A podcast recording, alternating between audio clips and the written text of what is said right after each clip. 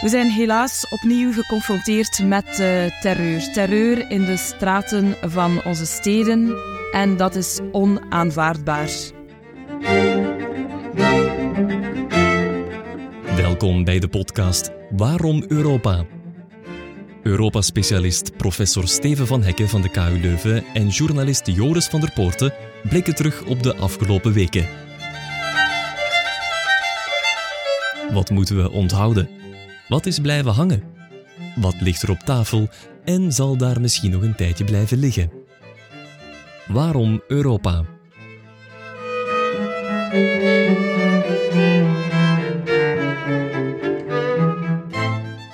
Was een triste maand. In het Franse Arras en ook in het hart van Europa, Brussel, is een aanslag gepleegd. En dat heeft nog maar eens het migratievraagstuk op de agenda gezet. Terwijl begin oktober tijdens de informele top in het Spaanse Granada ook al gebleken is dat de zoektocht naar eensgezindheid daarover moeilijk verloopt. Ook het geweld tussen Israël en Hamas zaait verdeeldheid binnen Europa, terwijl in Oekraïne de oorlog verder woedt. Ik praat erover met Steven van Hekken en zoals steeds ook een gast, journalist Camille Vermeilen van KNAK. Ik blik met hen ook terug op de verkiezingen in Polen en Slowakije. En dat in een maand dat ook een paar nieuwe eurocommissarissen zijn aangetreden. Dag Steven, dag Camille. Dag Joris. Dag Joris. We hoorden in het begin van deze aflevering de Belgische staatssecretaris voor asiel en migratie Nicole de Moor vlak voor een vergadering met haar collega's uit de andere lidstaten enkele dagen na de aanslag in Brussel, waarbij een Tunesiër twee Zweedse voetbalsupporters om het leven heeft gebracht. In de nasleep daarvan heeft Vincent van Quickenborne ontslag genomen als Belgisch minister van Justitie. Toen bleek dat Tunesië om zijn uitlevering had gevraagd, wat niet gebeurd is. Maar dat wisten we dus nog niet bij aanvang van die ministerraad na de aanslag. We luisteren naar commissaris Ilva Johansson na afloop van die vergadering daar in Luxemburg. I would like to focus now on one of the issues that for me is very important and uh, listening to all the ministers um, uh, in this council meeting, it's important for all ministers and all member states as well, and that is the returns. Returns of third country nationals that are, do not have the right to stay in the European Union. De terugkeer van uitgeprocedeerde asielzoekers is belangrijk voor alle ministers en alle lidstaten, horen we Johansson zeggen. Ja, dan zou je denken, daarover is dan geen discussie, maar is dat zo, Camille? Over binnenkomende asielzoekers weten we al langer dat er geen eensgezindheid bestaat. We horen straks nog Viktor Orban. Maar het terugkeerbeleid, Camille, is dat Europees of toch ieder voor zich? Wel, eigenlijk is het een Europees probleem waarmee alle lidstaten toch wel geconfronteerd worden. Het terugsturen van uitgeprocedeerde asielzoekers is een moeilijkheid. Slechts een fractie van die uitgeprocedeerde asielzoekers kan men ook effectief terugsturen. In juni zijn de lidstaten overeengekomen om toch de krachten te bundelen in derde landen ervan proberen te overtuigen om die uitgeprocedeerde asielzoekers ook wel terug te nemen. Het past ook een beetje in die Tunesië-deal die uh, afgelopen juli, denk ik, uh, gesloten is geweest en die, toch, die toch enigszins controversieel was en blijft. Um, dat moet een beetje de blauwdruk worden voor hetgeen wat de Europese Unie in de toekomst wil doen. En dat zijn afspraken over onder meer onderwijs, maar ook economie. Maar dus ook en vooral migratie en het terugnemen van uitgeprocedeerde asielzoekers. En die Tunesië-deal zal hoe dan ook, weliswaar in verbeterde versie, een blauwdruk moeten vormen voor wat nog komen zal. Europees of ieder voor zich? Hoe zie jij dat, Steven? Ja, ik ben het eens met wat Camille zegt. We leven, werken in de Schengenzone. Iedereen weet dat dat geen binnengrenzen meer oplevert, maar eigenlijk ook wel gemeenschappelijke buitengrenzen. Het probleem is dus niet alleen dat de Europese landen samen met derde landen afspraken moeten maken om uitgeprocedeerde asielzoekers op te nemen. Ze moeten ook onderling afspraken maken, want dat is hier duidelijk het probleem geweest. In Zweden was hij uitgeprocedeerd, dan komt hij naar België, maar eigenlijk had hij naar Italië moeten gaan. Dus dat is zeker een pijnpunt, dat is blootgelegd. En ook daar, denk ik, kan er alleen een Europese antwoord, een echte oplossing bieden. Ja, en intussen wordt gewerkt aan een migratiepact waarover uiterlijk tegen de lente van volgend jaar een akkoord moet zijn. Daar is ook over gepraat tijdens die informele top van de Europese leiders in Granada begin oktober. Maar een paragraaf over migratie in de slotverklaring is daar niet goedgekeurd door Polen en Hongarije. We horen de Hongaarse premier Viktor Orban. There is no agreement on immigration because previously we decided that migration will be uh, regulated on a unilaterally agreement basis, which was changed last meeting. Poland and Hungary was not satisfied with the proposal, but they pushed us through. I mean, pushed through the proposal. So Hungary and Poland was totally left out of that. So after this, there is no any chance to have any kind of compromise and agreement on uh, migration. Politically, it's impossible. Not today, generally speaking, for the next years, you know, because because legally we are, uh, how to say it, we are raped. Ja, en gebruikt nogal straffe taal, Camille. We zijn juridisch verkracht. Wat, wat zit hem dwars? We horen hem zeggen, wij willen het unilateraal. Maar goed, er is natuurlijk één unie, hè? Mm Orbán zei het met een grijns op zijn gezicht. Wat hij eigenlijk met unilateraal bedoelt is Binnen de Europese Raad, een vergadering van de staatshoofden en regeringsleiders, is er unanimiteit. Alle lidstaten moeten het met elkaar eens zijn om inderdaad een paragraaf in de conclusies te krijgen. Um, op raadsniveau van de ministers is dat een ander verhaal. Daar geldt op vlak van asiel gekwalificeerde meerderheid.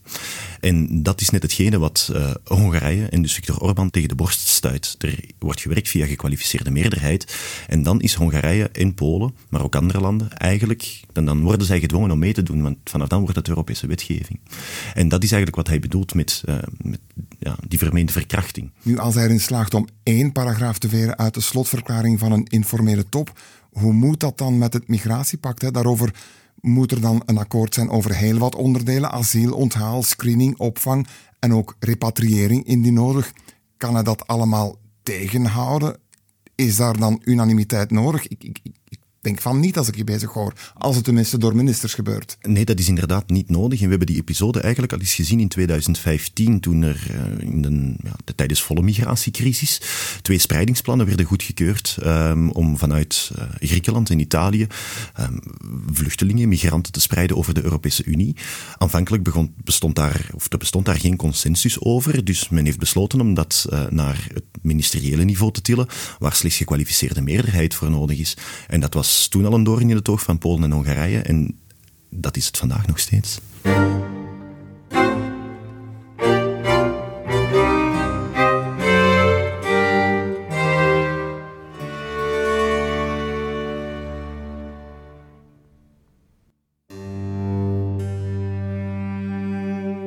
Het gebrek aan Europese eensgezindheid is afgelopen maand ook gebleken uit de houding tegenover het conflict tussen Israël en Hamas. De instellingen zaten niet op één lijn. Sommige lidstaten en ook Charles Michel van de Europese Raad waren niet opgezet met het bezoek van commissievoorzitter von der Leyen aan Israël kort na de aanslagen van Hamas, onder meer op dat muziekfestival. In the face of this unspeakable tragedy, there's only one possible response. Europe stands with Israel. And Israel has the right to defend itself. In fact, it has the duty to defend its people. And we must call by their name the atrocities committed by Hamas. This is terrorism. This is an act of war. Nothing can, can justify what Hamas did. This is the time to stand in solidarity with Israel and its people. Hoe moeten we dat zien, Steven? Het Midden-Oosten is het uh, moeilijkste dossier par excellence. Dat weten we al lang. Daar hadden we nu het recente conflict tussen Gaza en Israël niet voor nodig. Van der Leyen maakt het eigenlijk alleen maar erger. Het is echt een faux pas. Uh, ze had niet als eerste naar Israël moeten afreizen. Het is ook niet haar taak. Het behoort niet tot de bevoegdheden van de voorzitter van de Europese Commissie. En ze is ook natuurlijk vergeten en vermelden dat Israël ook gebonden is uh, aan het internationale humanitair recht, dat er zoveel mogelijk burgerslachtoffers moeten voor en mede worden, aan beide zijden trouwens. Dus ze heeft de kans gemist nu om te zwijgen. Uh, ze heeft te veel gereageerd als Duitse politica en te weinig als voorzitter van de Europese Commissie. Ja, als Duitse politica omwille van die ja, historische schuld van Duitsland ten aanzien van, van Israël? Ja, absoluut. Uh, de Duitse politici voeren een soort wedlopen onder elkaar. Niemand wil voor elkaar onderdoen. Wellicht uh, heeft ze daar haar oor te luisteren gelegd, maar dan nog. Hè. Het was ook geen reactie na 12 of 24 uur. Er zaten vijf dagen tussen. Dat veel beter gekund dan wat ze heeft gepresteerd. De relatie tussen von der Leyen en Charles Michel die was al cool. Dit doet er geen goed aan, Camille. We zagen bijvoorbeeld dat Michel vrij snel na dat bezoek de lidstaten samenriep voor een videoconferentie en het thema nog eens aan bod kwam tijdens de top van staatshoofden en regeringsleiders eind van de maand. Ja, inderdaad. Um, de vertegenwoordiging van de Europese Unie op vlak van veiligheids- en buitenlandbeleid komt de lidstaten toe. En uh, dus Charles Michel, tenminste als hij een standpunt van de lidstaten vertegenwoordigt. En dat is waarom Michel uh, die, die videoconferentie heeft georganiseerd en op 15 oktober ook een verklaring de wereld heeft ingestuurd die veel evenwichtiger was dan hetgeen von der Leyen zei. Als je die verklaring trouwens leest, dan leest die eigenlijk ook als een langgerekte vermaning aan het adres van von der Leyen. Um, dus ik denk wel dat uh, Michel hier inderdaad een opportuniteit heeft gezien om von der Leyen eigenlijk terecht te wijzen. En um, op dit vlak heeft hij daar ook wel gewoon een punt. Ja, en er is ook wel een buitenlandvertegenwoordiger, hè? Josip Borrell. The Joint Council expressed deep concern about the grave development of in Israel and Gaza and condemned all attacks against civilians. It called for the protection of civilians, reminding the parties' obligation under the universal principle of international humanitarian law. It further called for restraint, the release of hostages, and allowing access to food, water, and medicines according with international humanitarian law. And stressed the urgent need for a political solution to the crisis to avoid repeating this vicious cycle of violence in the future as it has happened in the past. Borrell vraagt dus respect voor het internationale recht, de vrijlating van gijzelaars, maar ook de toegang tot voedsel, water en medicijnen. Hij pleit voor een politieke oplossing. Hoe moeten we dat zien? Wel, ik denk dat ook uh, Josep Borrell daar een veel evenwichtige houding inneemt, die ook rekening houdt met het geopolitieke toneel. We hebben bij de oorlog in Oekraïne bijvoorbeeld gezien dat de Europese Unie heel hard het respect voor ehm, territoriale integriteit, maar ook voor soevereiniteit benadrukt. En dat zijn natuurlijk ook principes die bij het conflict uh, tussen Israël en Palestina al sinds 1967 um, terugkomen. Dus natuurlijk naar de buitenwereld toe en naar het globale zuiden bijvoorbeeld is het wel belangrijk dat de Europese Unie min of meer als honest broker optreedt. En Josep Borrell is niet alleen vicevoorzitter van de Europese Commissie, maar hij ziet ook die Raad Buitenlandse Zaken voor. En heeft precies veel beter begrepen, net zoals Michel, dat de, dat de Europese Unie een middenpositie moet, uh, moet bewaren die ook ja, de geloofwaardigheid van de Europese Unie op het globale toneel um, wel bewaart. Gaat dit aan von der Leyen blijven plakken, Steven? Zolang de crisis tussen Hamas en Israël blijft voortduren, zal er natuurlijk telkens aan herinnerd worden. De vraag is ook natuurlijk wat de plannen van von der Leyen zelf zijn. Ze zat eerder op de Amerikaanse lijn, dus als het inderdaad zou kloppen dat ze secretaris-generaal van de NAVO wil worden, dan heeft ze punten geëscoord, uh, heeft ze haar oog laten vallen op een tweede termijn aan het hoofd van de Europese Commissie. Uh, dan zal ze toch op meer weerstand botsen bij een aantal lidstaten, vrees ik. Ja, en over zowel het conflict tussen Israël en Hamas als de aanslagen in Arras en Brussel, toch nog dit. Op sociale media passeerde heel wat bagger en fake news, zodanig veel zelfs dat de commissaris voor interne markt Thierry Breton de big tech bedrijven zoals X, het vroegere Twitter, TikTok of Facebook-moeder Meta wijst op de digitale dienstenwet, de Digital Services Act, le DSA, zegt de Fransman Breton. Le DSA est là pour mettre fin à la propagation de contenus illégaux, condamnables dans nos lois existantes. Il est là pour mettre fin à la monétisation par les plateformes de la désinformation. L'antisémitisme ou l'apologie du terrorisme ne sont pas des opinions, mais des propos condamnables par nos lois, hors ligne et maintenant en ligne. Die digitale dienstenwet verplicht die bedrijven om illegale inhoud en nepnieuws te verwijderen. Is dit nu de eerste grote test voor die wet, Steven? Dat denk ik wel. Het is meteen menens en daar is het Thierry Breton ook om te doen. Hij gaat op X, het voormalige Twitter, rechtstreeks in duel met Elon Musk. Want er staat veel op het spel, de geloofwaardigheid van die wetgeving voor de Europese Unie en ook de ambitie eigenlijk om de standaard voor de ganse wereld te zetten. Uh, anderzijds kan natuurlijk iemand als Elon Musk uh, zich niet veroorloven dat X, het vroegere Twitter, zomaar uit de Europese Unie zou verbannen worden. De jury is still out, maar bring on the popcorn. Dat gaat nog spannend worden de komende weken en maanden, denk ik. Hoe zie jij dat, Camille? Ik volg Steven helemaal. Je ziet eigenlijk dat de CEO van uh, Twitter veel sneller op de verzuchtingen van Breton uh, inging dan Elon Musk zelf.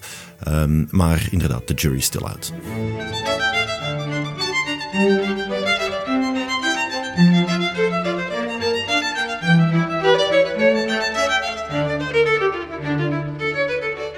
Jestem od wielu lat politykiem, jestem sportowcem. Nigdy w życiu nie byłem tak szczęśliwy z tego niby drugiego miejsca. Wygrała Polska, wygrała demokracja. Odsunęliśmy ich od władzy. Dat was de voormalige voorzitter van de Europese Raad, Donald Tusk, die tegenwoordig aan nationale politiek doet en de Poolse verkiezingen heeft gewonnen. Het is te zeggen, de huidige regeringspartij Recht en Rechtvaardigheid is nog steeds de grootste, maar heeft geen meerderheid meer. En Tusk kan een coalitie op de been brengen.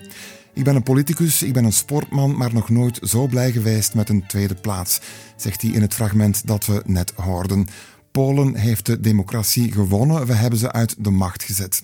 Ja, Camille Polen lag de afgelopen jaren vaak op ramkoers met Europa. Uithollen van justitie, de weinig vrijheid van meningsuiting, een gebrek aan respect voor vrouwenrechten of minderheden. Zie je dat nu allemaal goed komen? Wel, ook dat valt nog een beetje af te wachten. Het is inderdaad een grote overwinning voor de Europese Unie. En ik denk dat er hier in Brussel veel mensen een zucht van opluchting hebben geslaakt. Wanneer um, ja, die verkiezingsuitslag en die exit polls kwamen binnengelopen. Anderzijds wordt het nog een beetje kijken hoe het allemaal in Polen zal evolueren. Op vlak van migratie bijvoorbeeld zagen we ook tijdens de campagne dat zowel Tusk, maar ook geen waarschijnlijke coalitiepartijen ook heel sterke en stevige standpunten innamen. Dus het valt bijvoorbeeld maar af te wachten of ze bijvoorbeeld die lijn uh, inhoudelijk zullen keren. Ten tweede is er natuurlijk ook nog steeds die rol van uh, Andrzej Duda, de, de Poolse president. En bijvoorbeeld in ja, het, het Hoogrechtshof, uh, of het Grondwettelijk Hof moet ik zeggen in Polen. Um, ja, zitten toch wel een aantal mensen uit uh, recht en rechtvaardigheid die zich misschien wel niet zomaar gewonnen zullen geven. Dus op dat vlak valt het ook nog even af te wachten. Maar in ieder geval denk ik wel dat we met Tusk uh, iets meer op beide oren kunnen slapen dan, uh, dan met, de, met de voormalige partij, regeringspartij. Wat is jouw inschatting, Steven? Ja, ik volg Camille wel. Dus dat Donald Tusk zal als een grote meneer binnengehaald worden. Hij had het niet moeten doen, hij is al 65 plus.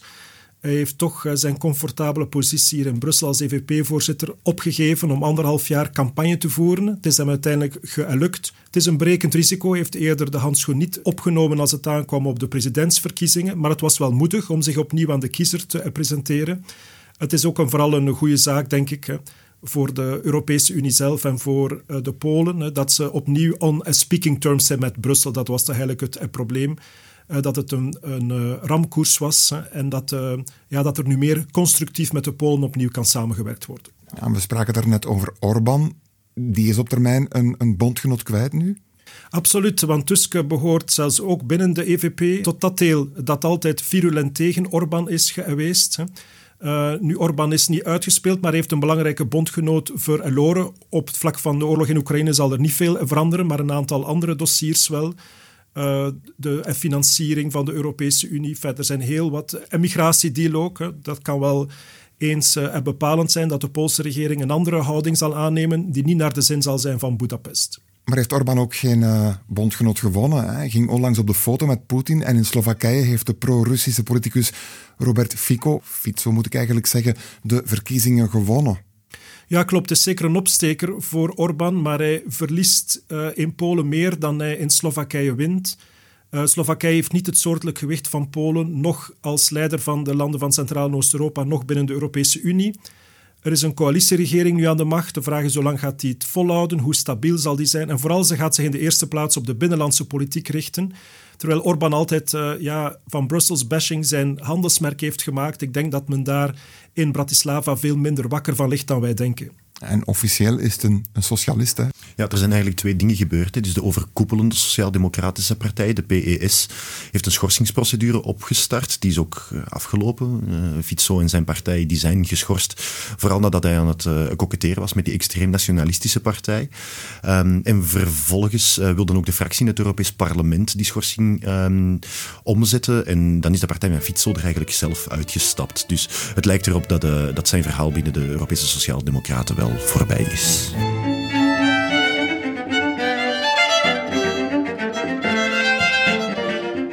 En dan nog dit. Er is sinds begin oktober een nieuwe Europees commissaris. Twee eigenlijk. Maar ik wil het hebben over de Nederlandse christendemocraat Wopke Hoekstra. Die heeft de klimaatportefeuille gekregen in navolging van Frans Timmermans. I will champion the EU's push to triple global renewable energy capacity, double energy efficiency and phase out unabated fossil fuels. Fossil fuels must become history.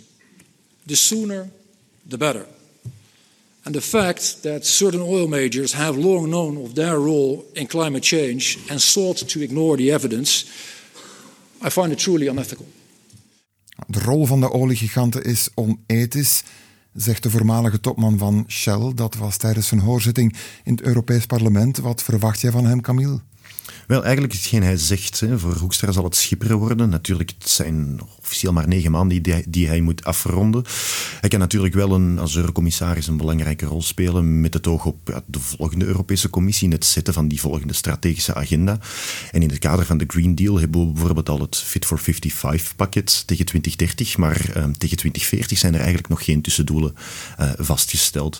Dus daar kan uh, Hoekstra wel degelijk een rol in spelen. Nu goed, in tegenstelling tot Timmermans heeft hij geen coördinerende bevoegdheden. Hè. Die zijn naar de Sociaaldemocraten Raad Sefcovic gegaan.